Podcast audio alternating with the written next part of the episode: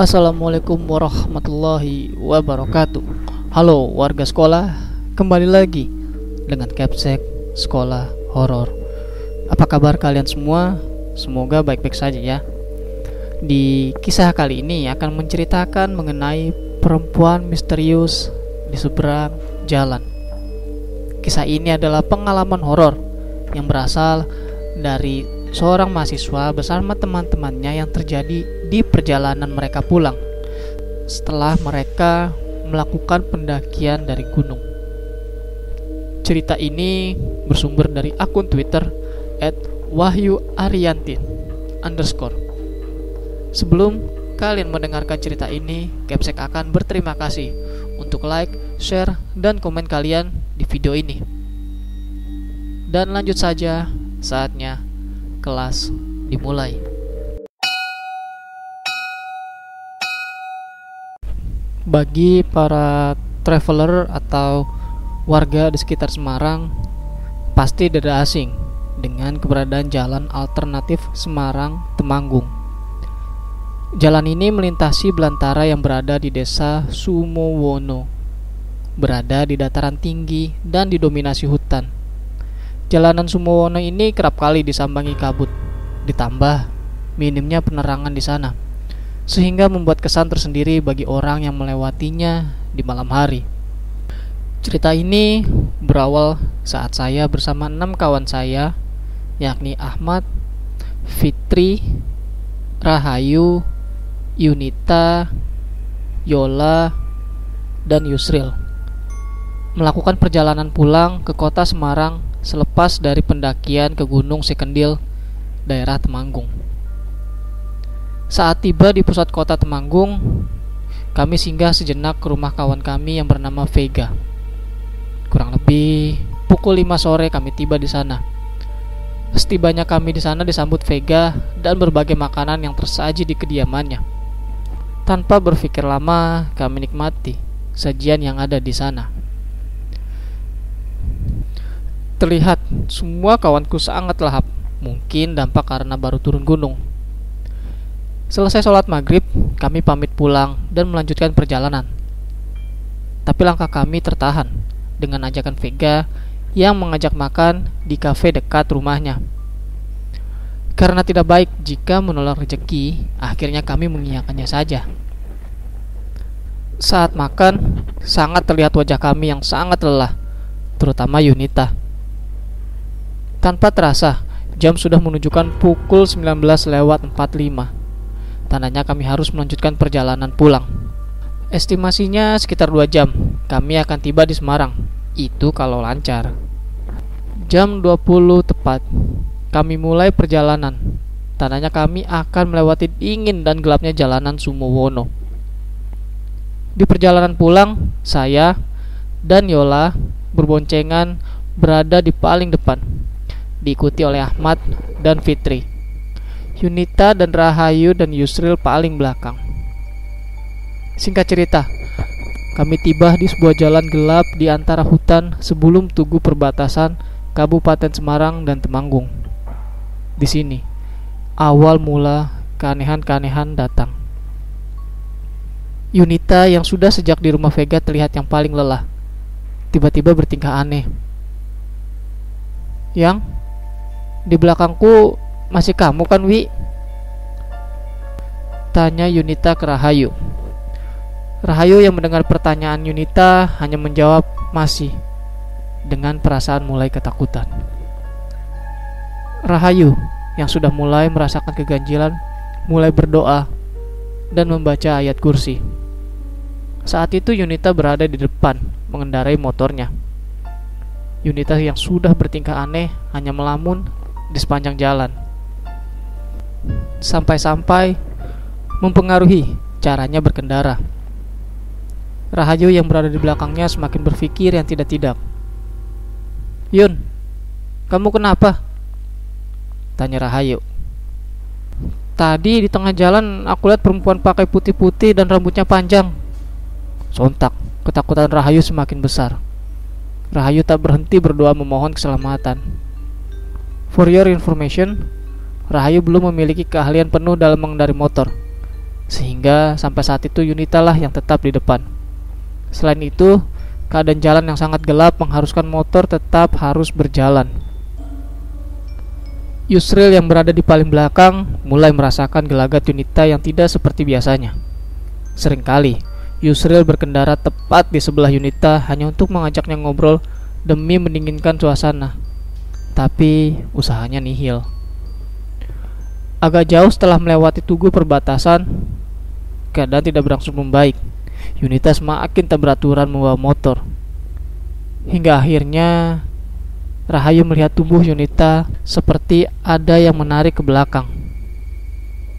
Aku gak kuat, pengen pingsan, ucap Yunita setelah badannya tertarik.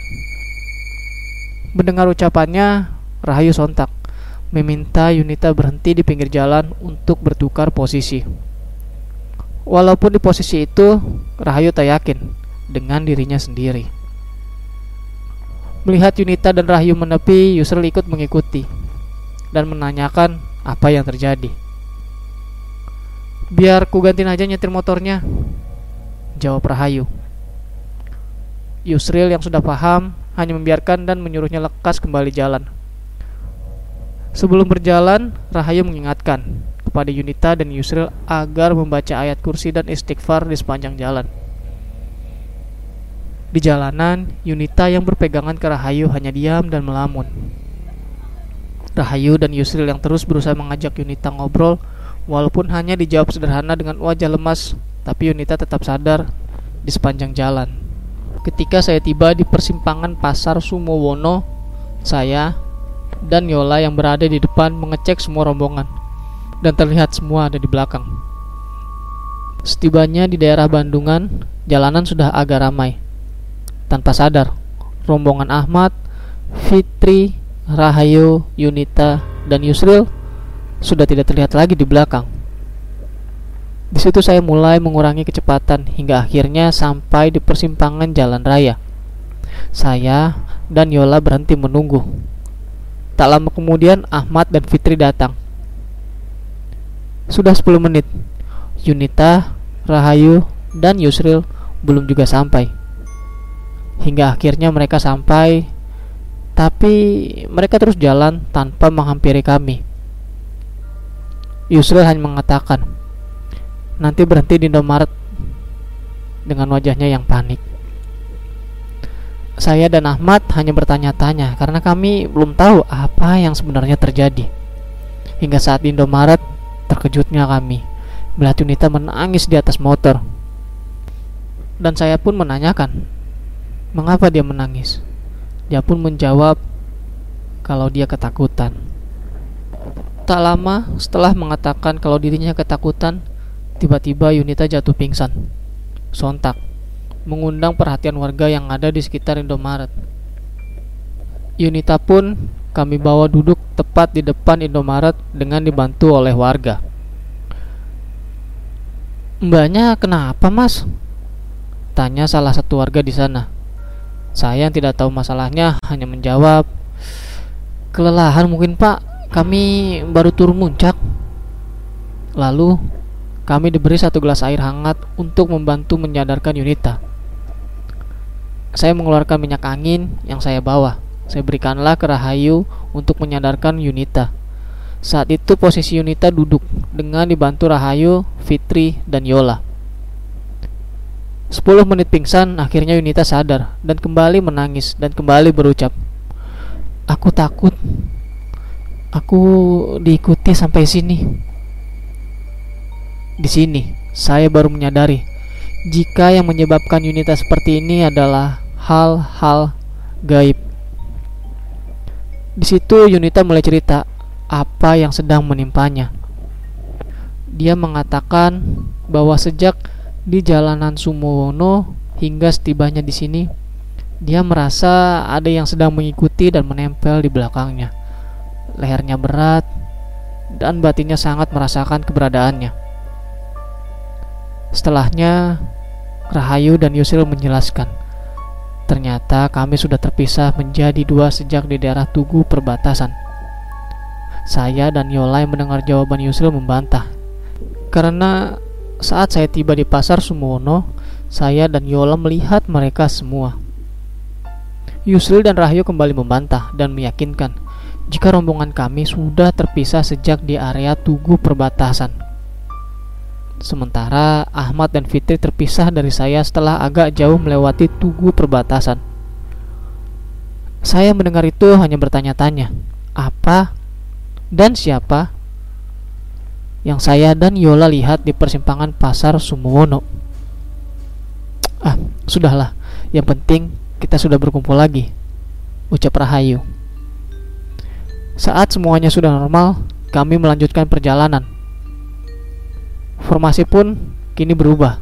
Yunita dengan Ahmad, Rahayu dengan Fitri, dan yang lainnya tetap. Kami bersyukur Yunita sudah kembali normal. Rahayu dan Fitri berjalan paling depan diikuti Ahmad dan Yunita, sedangkan Yusril dan saya dengan Yola di belakang. Di sepanjang jalan kami memperhatikan Yunita. Ternyata benar. Baru saja kami jalan 10 menit, tiba-tiba Yunita kumat lagi. Dengan jelas, saya melihat tiba-tiba tubuh Yunita tertarik ke belakang motor sebelum akhirnya dia pingsan di atas motor. Ahmad. Ia mengetahui segera menarik tangan Yunita dan Yusril yang juga menyadari langsung sigap menahan tubuh Yunita dari belakang. 100 meter lagi ada masjid. Kita berhenti sekalian sholat isya di sana. Ajak saya.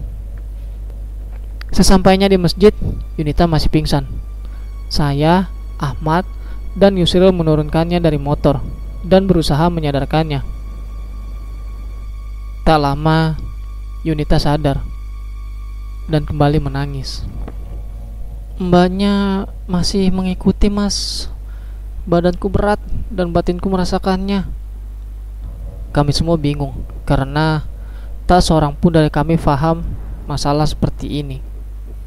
Kami hanya mengandalkan doa-doa yang kami bisa untuk menetralisir keadaan dan berharap agar keadaan lekas membaik. Usaha kami berhasil. Setelah keadaan membaik, kami semua sholat isya berjamaah. Kami sholat di luar masjid karena saat itu jam sudah menunjukkan pukul 22 dan pintu masjid sudah terkunci. Saat itu saya yang menjadi imam sholat. Saat hendak mulai sholat, saya terkejut karena dari ekor mata saya sebelah kanan melihat ada perempuan berambut panjang, berpakaian putih, berdiri di sebelah kanan kami. Kurang lebih sekitar 5 meter dari tempat kami sholat. Saya yang kurang yakin akhirnya sedikit menoleh ke arah kanan. Ternyata benar. Mata saya tidak salah. Dia berdiri di sana dan dia hanya memperhatikan kami. Jika saya deskripsikan, perempuan itu berambut panjang dan acak-acakan juga mengenakan pakaian putih panjang, sedikit lusuh, dan wajahnya tertutup rambutnya yang panjang. Apa ini? Lindungi kami semua ya Allah. Doaku dalam hati. Tanpa memikirkan, begitu lama saya mulai sholat isya walaupun dalam hati saya sangat ketakutan. Selama sholat, saya pejamkan mata agar saya tidak melihat perempuan itu. Selesai sholat, saat saya salam, dia sudah menghilang dari sana.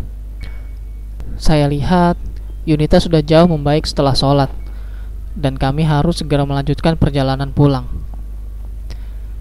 Saat bersiap-siap, Yunita memberitahu jika perempuan yang mengikutinya tadi memperhatikan kita saat sholat. Saat saya tanya dan memastikan apakah sosoknya sama dengan apa yang saya lihat ternyata memang sama.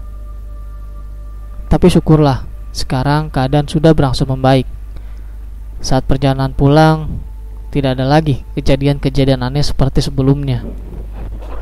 Saat di lampu merah, sesekali kami bercanda agar mencairkan suasana. Mungkin kami memang diharuskan lekas keluar dari daerah sana. Karena setibanya kami di kota Semarang, semuanya sudah normal dan Yunita sudah pulih lagi. Selama di perjalanan, saya tidak menceritakan dari apa yang saya lihat agar semuanya tetap tenang. Kurang lebih sekitar jam 23 lewat 30 menit, kami tiba di Semarang. Kami pun sepakat untuk mengantarkan Yunita ke kontrakannya bersama-sama. Setiba di kontrakannya, wajah Yunita masih seperti orang linglung. Hanya saja ia sadar dan menjawab ketika diajak bicara. Tak lama saya titipkan Yunita ke teman kontrakannya dan sedikit menceritakan peristiwa yang menimpanya dengan tujuan agar tidak terkejut jika ternyata nanti Yunita kambuh lagi selama di kontrakan. Hari berganti hari. Saya sudah melihat Yunita di kampus lagi. Kami kembali kumpul lagi dan banyak menceritakan kejadian-kejadian menarik selama perjalanan kami.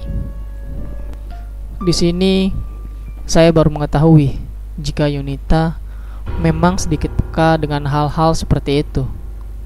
Dan ternyata Yusil juga melihat perempuan itu saat di jalanan Sumuwono.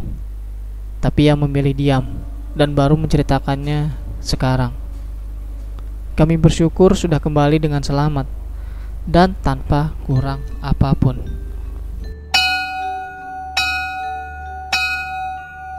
Dan itu dia cerita mengenai perempuan misterius di seberang jalan.